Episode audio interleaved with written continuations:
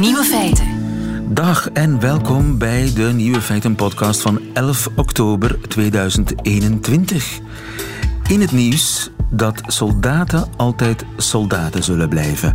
Tony Whitman, een voormalig soldaat in het Australische leger, die raakte begin dit jaar zijn kat kwijt. Bezorgd belde hij het lokale dierenasiel en gelukkig, katje was daar binnengebracht. Waarop de voormalige soldaat, kwestie van beroepsmisvorming, een heuse reddingsactie in militaire stijl uitvoerde. Gekleed in camouflagepak en gewapend met een nepwapen viel hij diezelfde avond nog het dierenasiel binnen. Hij hield een medewerkster gegijzeld en vroeg haar waar zijn de katten? Alles keurig gefilmd door bewakingscamera's. De kat is inmiddels terecht, maar zijn baasje moet zich binnenkort voor de rechter verantwoorden. Tja, de andere nieuwe feiten vandaag. Honderdduizenden Polen komen op straat pro-Europa. Een probleem voor de toch al wankele regering in Warschau. De Nobelprijs Economie is uitgereikt. De verkiezing van Vogel van het Jaar is begonnen. En Alex Visorek die blikt terug op de carrière van de vrijdag begraven Franse zakenman Bernard Tapie. De nieuwe feiten van Nico Dijkshoorn die hoort u in zijn middagjournaal. Veel plezier.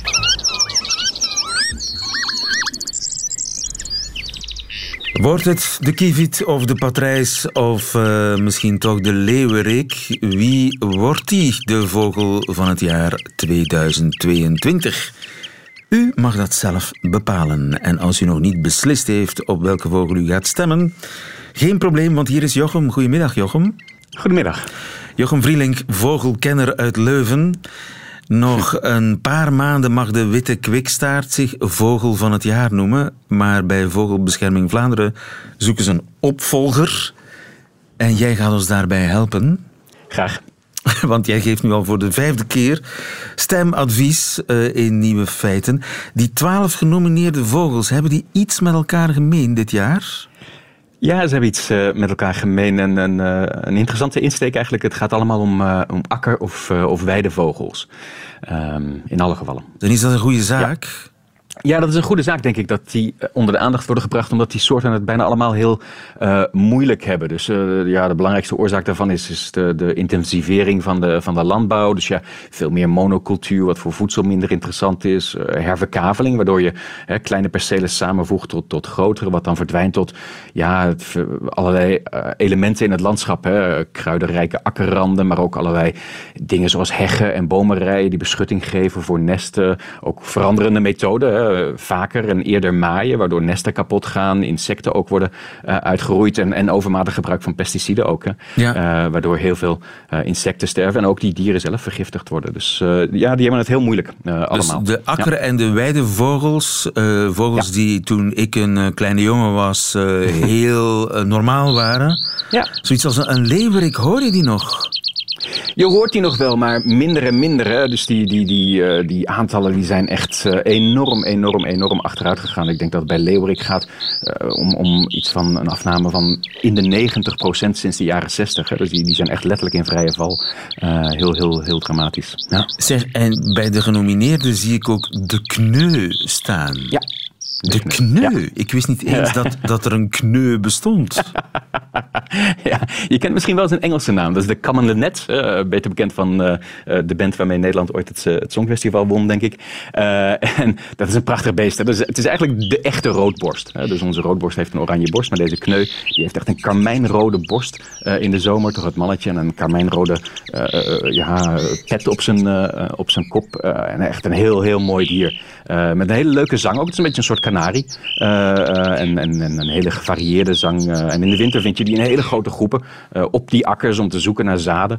Uh, met honderden, duizenden tegelijk soms. Uh, maar dus ook ja, weer steeds minder omdat hij het, het moeilijk heeft om, om voedsel te vinden en ja. adequate nestgelegenheid. En daarom deze Vogel van het Jaar verkiezing, om daar toch een beetje aandacht voor te vragen voor die akker- en weidevogels die vroeger zo alomtegenwoordig waren.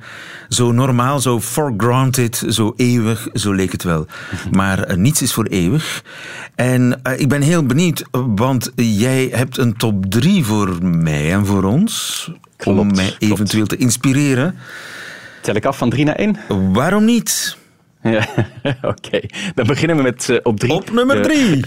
De, grauwe gors. De grauwe gors. Ja. Dat is een geluid. Dat is hem, dat is hem, ja. ja. Het, het klinkt als een klein vogeltje.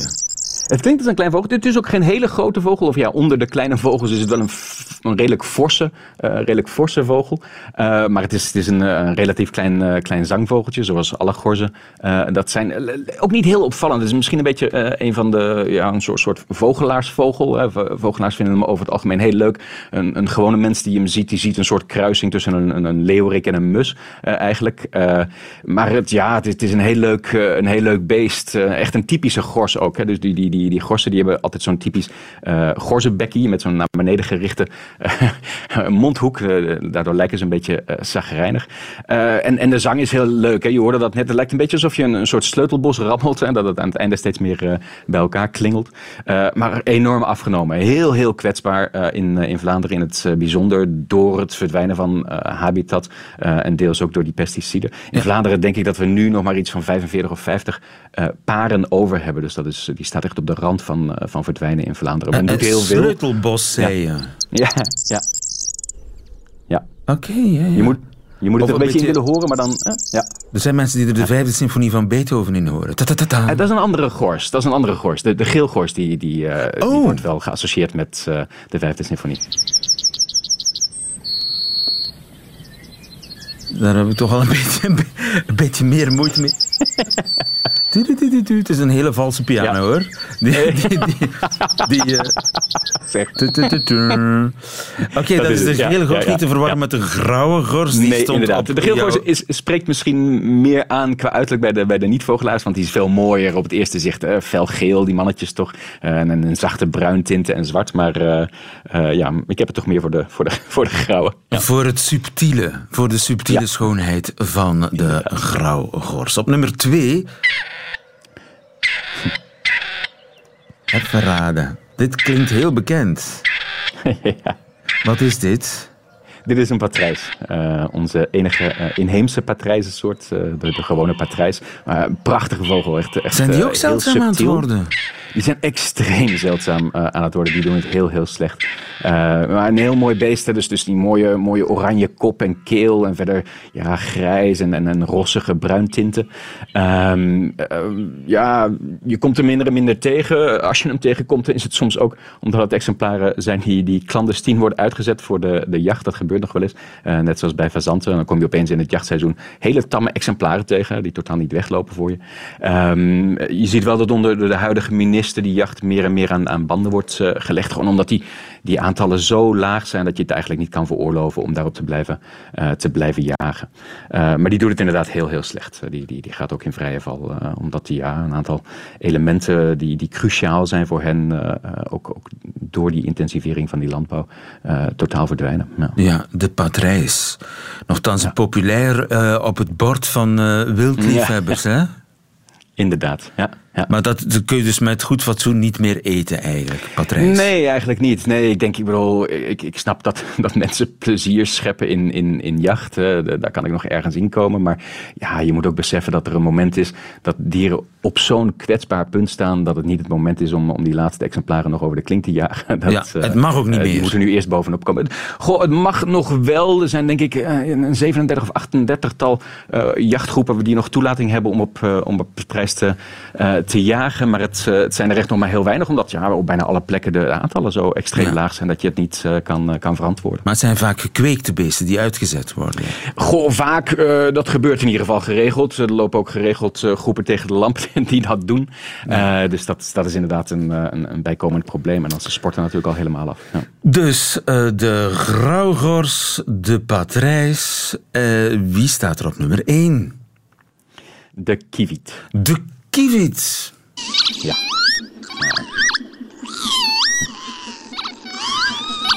En hij is daar duidelijk zeer blij mee. Het is een, uh, een, een heel bekend... Dit geluid hoor je wel nog vaker, toch? Hè? Ja, wel vaak ook helaas minder en minder.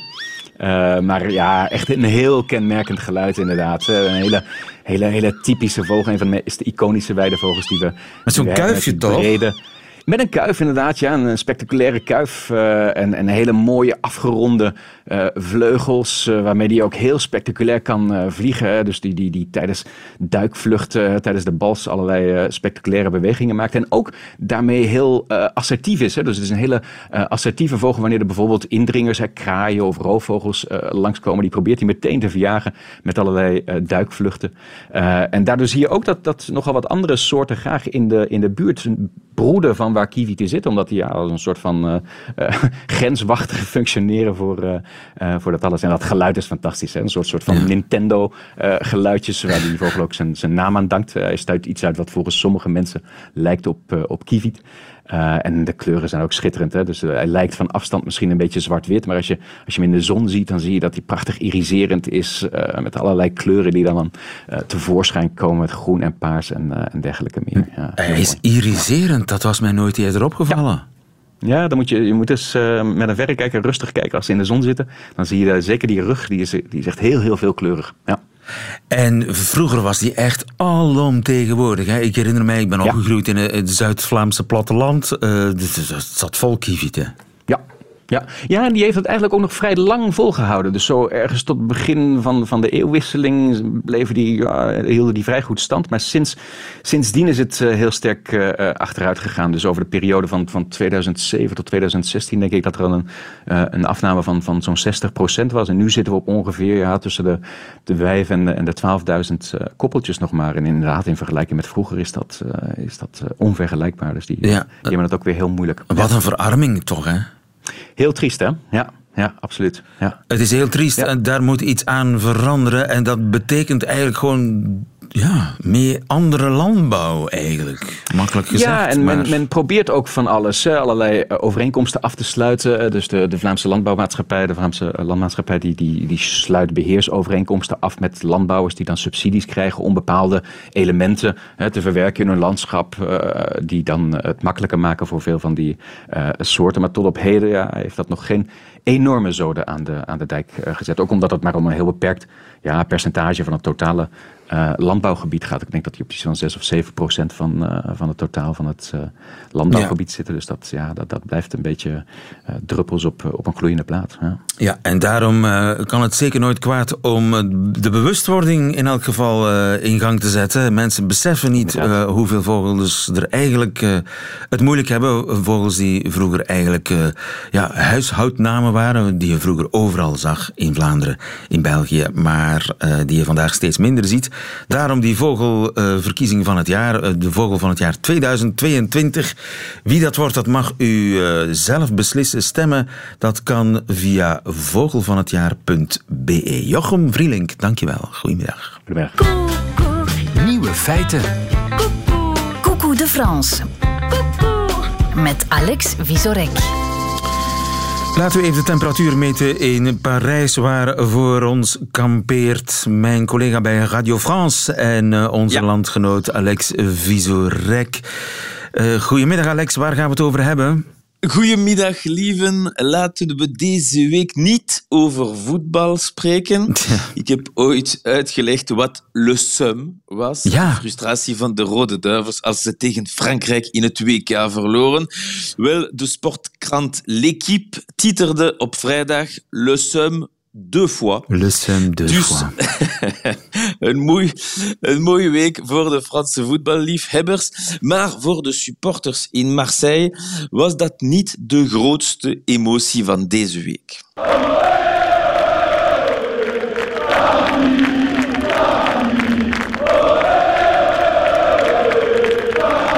Tapie. Tapie. Inderdaad. Ja. Bernard Tapie. Oh, yeah. Inderdaad, hier duizenden supporters in de straten van Marseille zingen en ze zingen lopend achter een lijkwagen.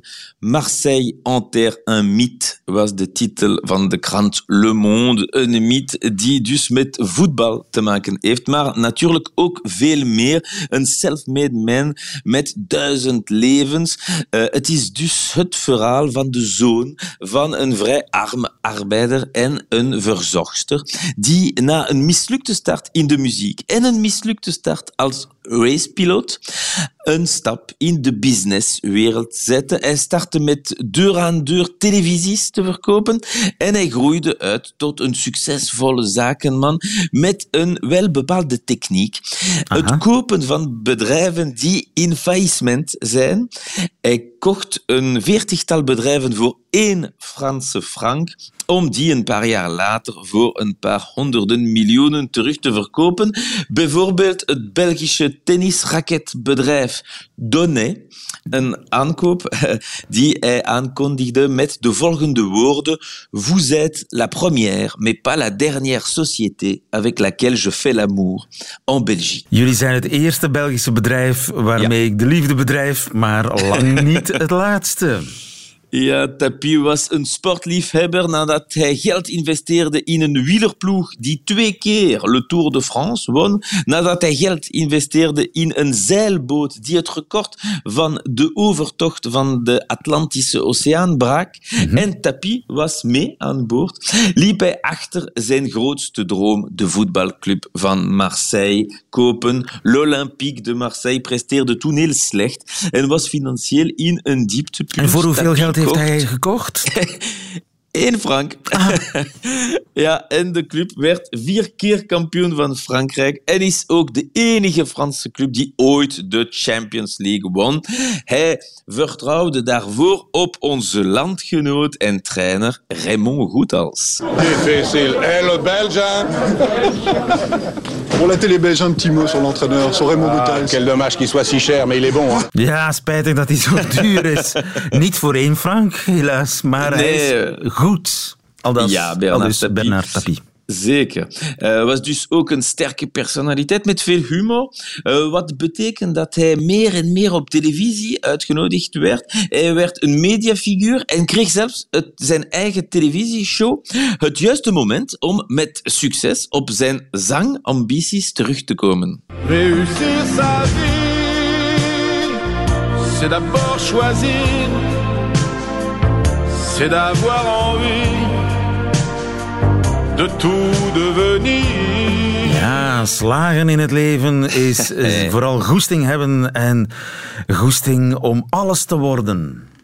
Ja, réussir sa vie is vooral het bedrijf Adidas kopen en dan Adidas verkopen om vervolgens in de politiek te stappen. Bernard Tapie werd minister onder president Mitterrand en hij liet ook een grote indruk in de politiek. Hij was een van de enige politicus die ooit in debat is gegaan met Jean-Marie Le Pen en dat was straf.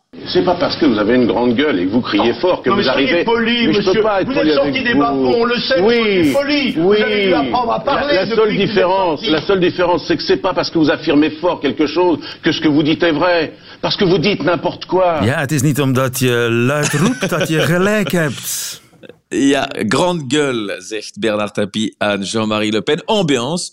Maar zijn loopbaan van politicus werd plots onderbroken. Cette fois, ça y est, après plusieurs mois de bataille de procédure, Bernard Tapie est déjà seul dans l'une des cellules de ce fourgon. Il perçoit les crépitements des flashs et comprend lorsque le camion amorce sa marche arrière qu'il vient de perdre sa liberté. Ja, hij moest naar de gevangenis. Eh, Ja, zie, hij vinkt alle vakjes aan van een machtige Fransman. Tapie werd veroordeeld voor corruptie. Ja, het bleek dat hij eh, wat geld uitgaf aan de tegenstanders van Marseille, zodat ze de wedstrijd zouden verliezen. En ook eh, de verkoop van het bedrijf Adidas werd verdacht van fraude. Een zaak die hem de rest van zijn leven achtervolgde. En hij vond het nooit leuk als de journalisten daarover vragen stelden. Je ne répondrai pas. Ah bah écoutez. On Je ne quoi alors répondrai pas. On joue aux cartes Comment On joue aux cartes, on fait quoi Ja, zullen we kaart spelen? vraagt, vraagt de journaliste aan uh, Tapie die niet wil uh, antwoorden op vragen. Ja, hij vocht heel hard om te bewijzen dat hij niks fout had gedaan. Ça fait 15 ans que j'ai raison, et ça fait 15 ans que ça vous emmerde que j'ai raison. Et vous en êtes Et content. plus ça vous emmerde, plus ça me fait plaisir. Ja, hoe meer het u op de zenuwen werkt dat ik gelijk heb, hoe leuker ik het vind. Ja, bijna. Uh, maar nu, door zijn veroordeling kon hij niet meer aan politiek doen, geen zaken doen. Hij mocht niet meer in voetbal actief zijn. Het enige ding die hem nog toegelaten was, was Bernard Tapie werd dus een auteur, ook van romans, uh, een cinema-acteur en was ook nog televisiepresentator en sportconsultant. Totdat ziekte aan zijn deur kwam kloppen. Die laatste jaren vocht Tapie tegen een heel harde kanker, die uiteindelijk gewonnen heeft. Want zoals tegenstanders van Tapie mee lachten, uh, die wedstrijd kon hij niet kopen.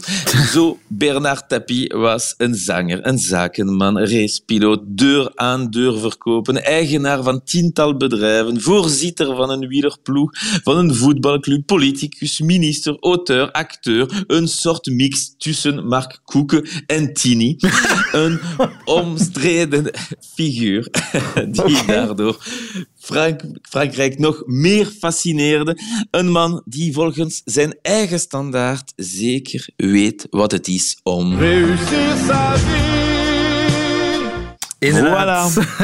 een eerbetoon uh, met allerlei uh, haakjes door Alex Vizorek. Een uh, eerbetoon aan Bernard Tapie. Tapie. Tot volgende week, Alex. Tot volgende week.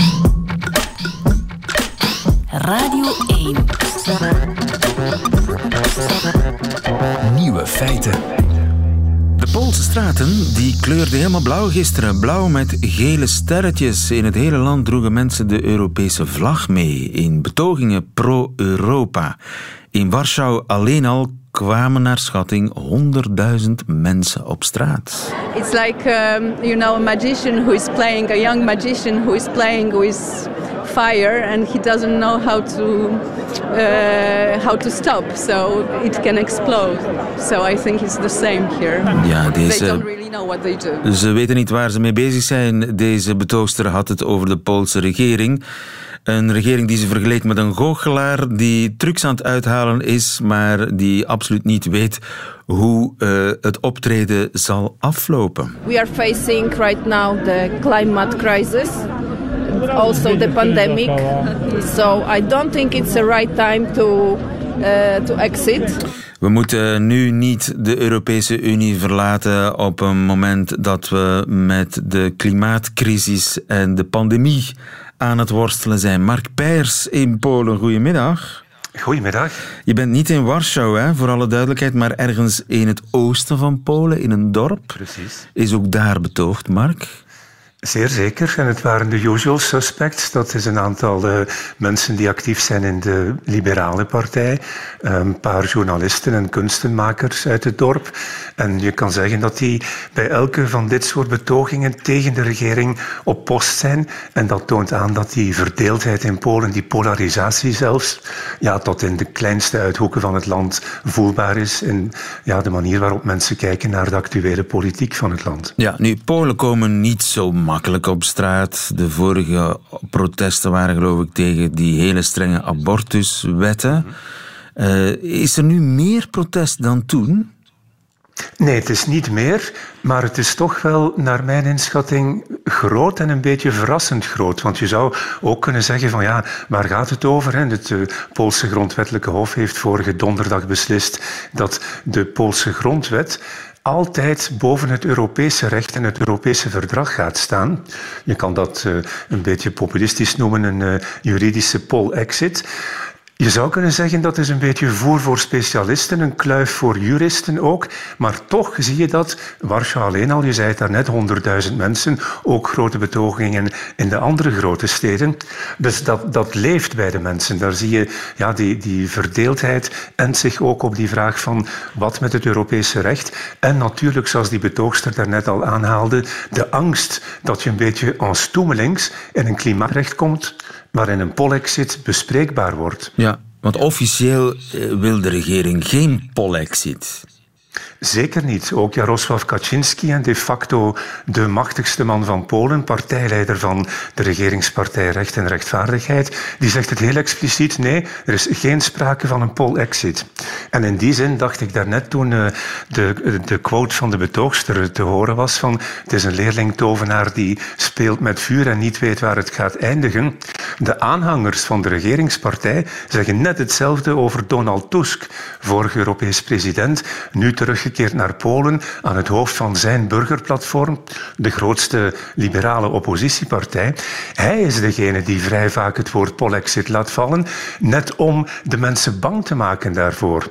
Net als wapen tegen die regering, die zelf zegt van nee, wij willen daar niks van weten. Maar natuurlijk, ja, Tusk heeft daar een, een, een heel machtig wapen mee in handen, want een overgrote meerderheid in alle peilingen blijkt dat van de Polen is pro-Europese Unie. Dus een polexit is hier op dit moment eigenlijk niet meer dan een wensdroom van een paar zonderlingen. Maar als iemand als Tusk dat blijft en blijft herhalen, dan krijg je natuurlijk een klimaat waarin dat een, een thema wordt out of the blue. Ja, maar die, die Poolse regering die wil kennelijk alleen de lusten uit Europa, het geld. Polen is de grootste netto-ontvanger binnen de Unie, maar niet de lasten. Want uh, ze willen wel dat de Poolse wet boven de Europese staat. Dat is een grondbeginsel nogthans van de Europese Unie. Ja, inderdaad. Ja, dat is, uh, het lijkt hier een paradox. En je hebt aan de ene kant 70, 80 procent van de mensen die het meest angst hadden in uh, 2004 toen Polen lid werd van de Unie. Die zijn helemaal gekeerd. Die zien dat er heel veel subsidies naar de landbouwsector gaat en dergelijke meer. Dus dat is een beetje ja, een, een, een dubbel standpunt van aan de ene kant zijn Polen de kampioenen van de Europese gedachte en van een gedeelde geschiedenis, heel vaak met Pools bloed vergieten ten voordele van heel Europa. Aan de andere kant willen ze nu niet, nu ze eindelijk een vrij land zijn, en de, de, de grote politieke droom, willen ze nu niet dat alweer een buitenlandse macht hier de plak gaat zwaaien. Ja, nu als die tientallen miljarden die in veel gevallen al uitgegeven en soms, of in, of in ieder geval beloofd zijn, als die vanuit Brussel niet komen, uh, hoe sterk staat de Poolse regering dan nog in haar schoenen met haar uh, Polen eerst standpunt? Mm -hmm. Nu, het is een, een truc die eh, de Europese niet eindelijk zou je kunnen zeggen, want uh, de ruzies met Polen dateren al van eind 2015, toen recht en rechtvaardigheid aan de macht kwam. De truc die Europa nu heeft toegepast op die vijf provincies die zichzelf hadden uitgeroepen tot LGTBQ-vrije zone. 125 miljoen subsidies ingehouden, bevroren. En die vijf provincies die zijn overstag gegaan. Die hebben die, die uh, nare eretitel van vrij van LGTBQ hebben die weer ingetrokken. Nu gaat het natuurlijk niet om ocharme 125 miljoen euro, maar wel 57 miljard euro. Polen heeft dat geld nodig om de economie na de COVID-pandemie terug op de rails te krijgen en ook wel wat te hervormen. Bijvoorbeeld de nationale gezondheidszorg hier, die stijgt voor één keer boven zichzelf uit. En recht en rechtvaardigheid belooft dan ook meer geld daarvoor. Maar de Poolse economie die draait als een lier. Ook dit jaar weer 5% groei, de voorbije jaren ook. Dus Europa moet ook niet denken dat Polen als een soort uh, haveloze bedelaar op de stoep zit te smeken om, om de Europese miljarden. Ze zijn indien niet noodzakelijk wel welkom. Ja, maar de vraag is, als ze niet komen, gaat Polen dan overstag gaan en toch de rechtsstaat naar Europees model weer invoeren? Wel, ik uh, durf niet echt helemaal koffiedik kijken, maar ik denk dat er opnieuw gedeeld en gewield zal worden. Hè, van misschien een deeltje van het geld op voorwaarde dat. Of de Polen die voorstellen van kijk, als we nu dit en dit van je Europese verdrag wel aanvaarden, wat kan er dan? Dus ik denk dat nu de juristen inderdaad aan beide kampen gaan met argusogen kijken van wat is mogelijk van toegeven aan beide zijden. Het zijn spannende tijden in elk geval. Mark Pers in Polen, dankjewel. Goedemiddag. Dankjewel.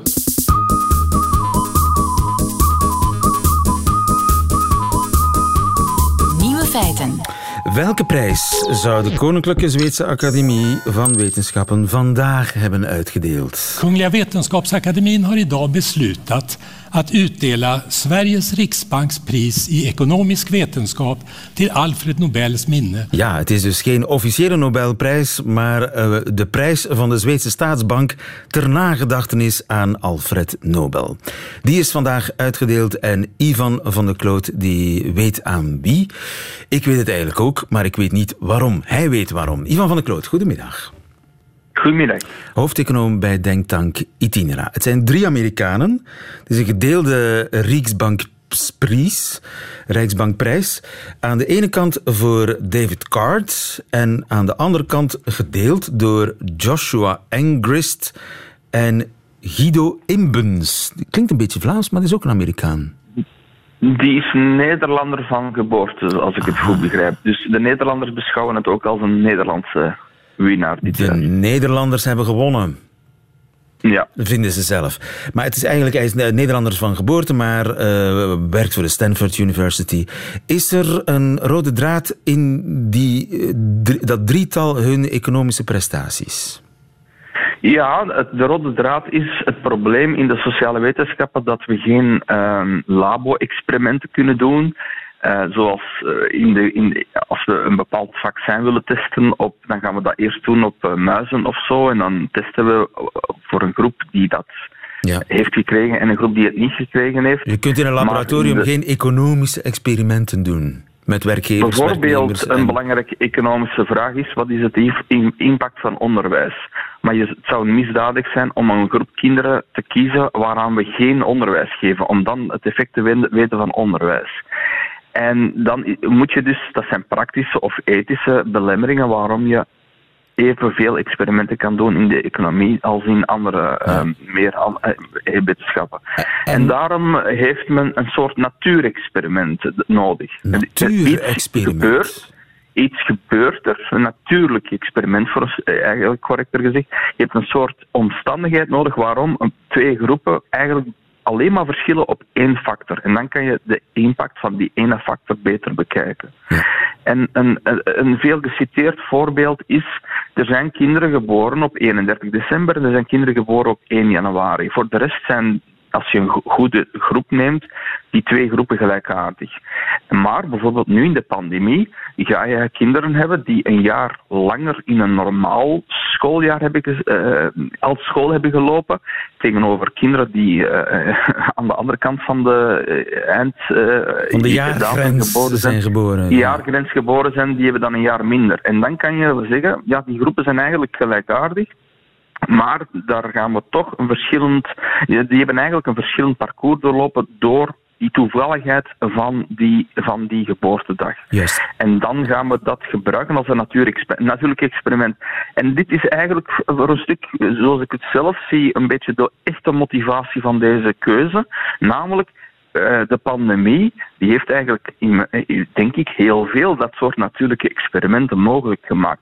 Ik zeg het vaak in mijn eigen omgeving we gaan eigenlijk hopelijk nog vele jaren ja, onderzoek kunnen doen op basis van wat er allemaal gebeurd is in de pandemie. Nu, de bekendste naam van de drie is toch David Card. Die krijgt dan ook de helft van het geld. De rest moet met de andere helft toekomen. En David Card heeft eigenlijk een heel bekend voorbeeld gebruikt. In 1980 heeft hij uh, de impact van migratie willen bestuderen op de lonen. En wat was er toen gebeurd? Er was de zogenaamde uh, bootjes die aankwamen vanuit Cuba in Miami. En dat was een soort natuurlijk experiment. Ineens waren er veel meer laaggeschoolden in Miami die op de arbeidsmarkt aankwamen. En dat was een geweldige opportuniteit voor een eh, wetenschapper, economische wetenschapper, om daar de gevolgen van te checken. Ja, en dat was dan heel tegenintuïtief. Hij vond geen effect op de lonen.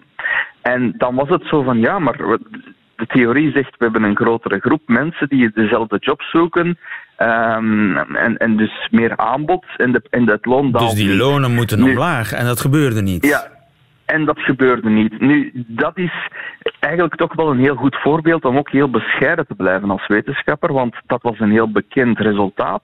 Maar we discussiëren daar sindsdien al 40 jaar over waarom dat, dat resultaat zo was. En daar zijn heel veel problemen nadien opgedoken uh, dat er eigenlijk fouten zijn gemaakt. Met name um, men wees bijvoorbeeld een groep toe, ah, is die in de categorie schoolverlaters. Die hebben geen middelbaar diploma, dus die zitten in die categorie. En dat is belangrijk, want je hebt een betrouwbare controlegroep nodig. Nu bleek bij, na, maar dat is pas 30 jaar later, na die eerste studies bovengekomen, van sorry, maar je hebt een stuk van, van de groep verkeerd genoemd. Namelijk, dat waren 16 tot 18-jarigen, die waren gewoon nog niet aan het einde van hun middelbare school. Dus die hadden geen diploma, maar dat waren geen schoolverlaters. En dus dat geeft ook wel een beeld van hoe wetenschap toch wel ja, heel zorgvuldig moet gebeuren. We hebben nu een Nobelprijs voor iemand die eigenlijk ja, eh, toen tot, tot, conclusies kwam die gebaseerd waren voor een stuk op een verkeerde statistische interpretatie. Dus, en die fout is hem kennelijk door het eh, Nobelprijscomité of eh, de Koninklijke Academie niet al te zwaar aangerekend. Dankjewel voor deze toelichting bij de Nobelprijs Economie, zullen we maar zeggen, die vandaag in Stockholm is uitgereikt. Ivan van der Kloot, dankjewel. Goedemiddag. Graag gedaan. Dag. Radio. Radio 1. Nieuwe feiten. En dat waren ze, de nieuwe feiten van 11 oktober 2021. Alleen nog die van Nico Dijkshoorn nu in zijn middagjournaal. Nieuwe feiten. Middagjournaal. Beste luisteraars. Een week geleden was ik met een goede vriendin naar een tentoonstelling. En die tentoonstelling heette Big Art. En die titel die verontrustte mij. Ik keek op internet, ik zag dat de expositie plaatsvond in een oude kogelfabriek. Nu werd ik nog banger. Hele grote kunstuitingen in een vervallen industrieel gebied. Dat trekt altijd dezelfde kunstenaars aan. Mannen en vrouwen die kunstwerken maken die met een dubbele vrachtwagencombinatie uit hun atelier moeten worden getild. Ik vermoedde dat wij zouden worden getrakteerd op expositiehallen vol met werken die aan elkaar waren gelast. Of met torenhoge constructies, of enorme opgeblazen ballonnen van zilver en dat die constructies allemaal hele rare namen zouden hebben. Zoals bijvoorbeeld Moeder in bad met huilend vosje. Of een ander werk dat dan Nagasaki in de polder zou heten. En dan keek je naar een kerstboom van ijzer of zoiets. En dit bleek allemaal te kloppen. Alle kunstenaars hadden zich op dezelfde wijze laten inspireren door de titel Big Art. En dat weet ik omdat ze het alle 34 aan mij hebben uitgelegd. Tot mijn grote schrik stonden alle kunstenaars steeds vlak naast hun werk. Je hoefde maar even naar hun kunstwerk te kijken en hopla, ze stonden al naast je, uit te leggen wat ze nou eigenlijk allemaal hadden bedoeld. Meteen na binnenkomst, in de eerste kunsthal, keek ik naar een enorme volle deken waar enkele draden uithingen. Meteen stond de kunstenaar zelf naast me. Ze legde mij uit waar ik nou eigenlijk naar keek. Ze zei dit is een driedimensionaal breiwerk ter ere van alle paarden in China. Ik luisterde en ik keek. En ondertussen dacht ik: arme paarden, arme Chinezen. En zo ging dat maar door, luisteraars. Overal kregen wij uitgelegd waar we nou eigenlijk naar keken. Dit is een toren van roze piepschuim overgoten met vloeibaar asfalt, waarmee ik eindelijk afstand neem van mijn ouders. Luisteraars, ik heb wanhopig gezocht naar iets kleins. Kunst, die niet hoefde te worden uitgelegd. En dat is mij uiteindelijk gelukt. In een achteraf hoekje van de hal had iemand heel mooi een centrale verwarming op het muur geschilderd. De titel Centrale verwarming. Hij was niet voor China, niet voor de paarden en het was ook niet om je ouders een trap na te geven. Niets van dat alles. Het was een tekening van een centrale verwarming. Ik heb de kunstenaar niet gesproken, maar ik wil hem of haar bedanken. Die denkbeeldige warmte heeft mij door de dag gesleurd.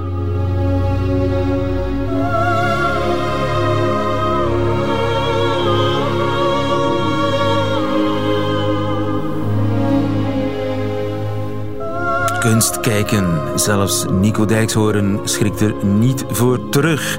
Einde van deze podcast. Hoort u liever de volledige nieuwe feiten met de muziek erbij? Dat kan natuurlijk via de website van Radio 1 of via de Radio 1 app. Tot een volgende keer.